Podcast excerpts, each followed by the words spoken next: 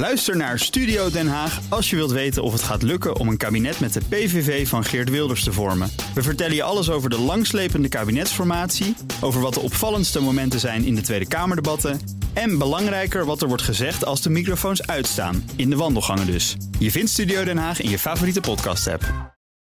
De column van Paul Lasseur. Sinds gisteren is Luxemburg het eerste land ter wereld waar iedereen gratis met het openbaar vervoer kan reizen. Het kan dus gewoon. Graag wil ik de Luxemburgers van harte feliciteren. Met deze verstandige, beschaafde en sympathieke maatregel. Die hopelijk flink zal bijdragen aan het terugdringen van het autogebruik.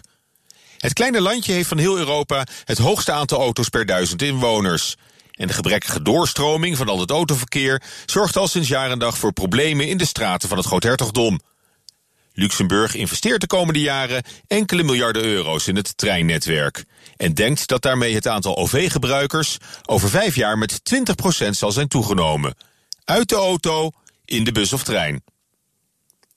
Wat een verschil met de halfslachtige schijnmaatregelen die de Nederlandse regering momenteel treft om de stikstofuitstoot van ons nationale wagenpark te verminderen. Dit weekend zag ik dat de borden van 120 en 130 kilometer langs de snelweg alvast worden afgeplakt. Vooruitlopend op 16 maart, die day. Wanneer de maximumsnelheid overdag teruggaat naar 100 km per uur. Weggebruikers hebben twee weken van totale verwarring voor de boeg. Nu alle snelheidsborden tijdelijk zijn ingepakt, met die wild in de wind wapperende zwarte plastic stroken, weet helemaal niemand meer waar die aan toe is. Waarom eigenlijk niet ook bij ons gekozen voor kosteloos openbaar vervoer? Dan is het maar duidelijk, net als in Luxemburg. Alle OV-voorzieningen zijn toch al zwaar gesubsidieerd. Het is maar een kleine stap naar helemaal gratis en voor niets. Waarom zo krampachtig vasthouden aan een eigen bijdrage van de reiziger? De voordelen zijn evident. Voor reizigers, bedrijven, het klimaat, de samenleving als geheel. Weg met alle administratie, chipkaartgedoe en verwarring bij het overstappen. Een ramp voor veel ouderen en toeristen. Er ligt een geweldig spoornetwerk met een prima werkende dienstregeling. Mobiliteit als collectieve voorziening. Als water uit de kraan. Wat een mooi vooruitzicht. En wie weet, helpt het ook een beetje zelfs de meest verstokte automobilist te verleiden. Om ook eens een keer de tram, trein, bus of metro te pakken. Maar het allermooiste van gratis openbaar vervoer is toch wel dat het een positieve stimuleringsmaatregel is. Het gaat erom dat je goed gedrag beloont. Niet dat je onwenselijk gedrag bestraft.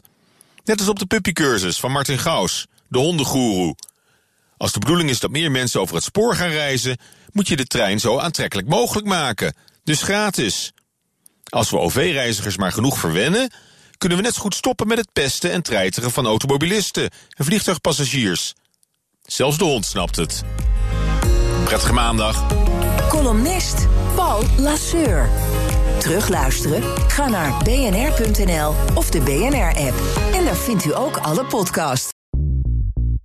BNR ben je altijd als eerste op de hoogte van het laatste nieuws. Luister dagelijks live via internet. Bas van Werven. En heel langzaam komt de zon op rond dit tijdstip. Je krijgt inzicht in de dag die komt op BNR, het Binnenhof in Nederland en de rest van de wereld. De Ochtendspits. Voor de beste start van je werkdag. Blijf scherp en mis niets.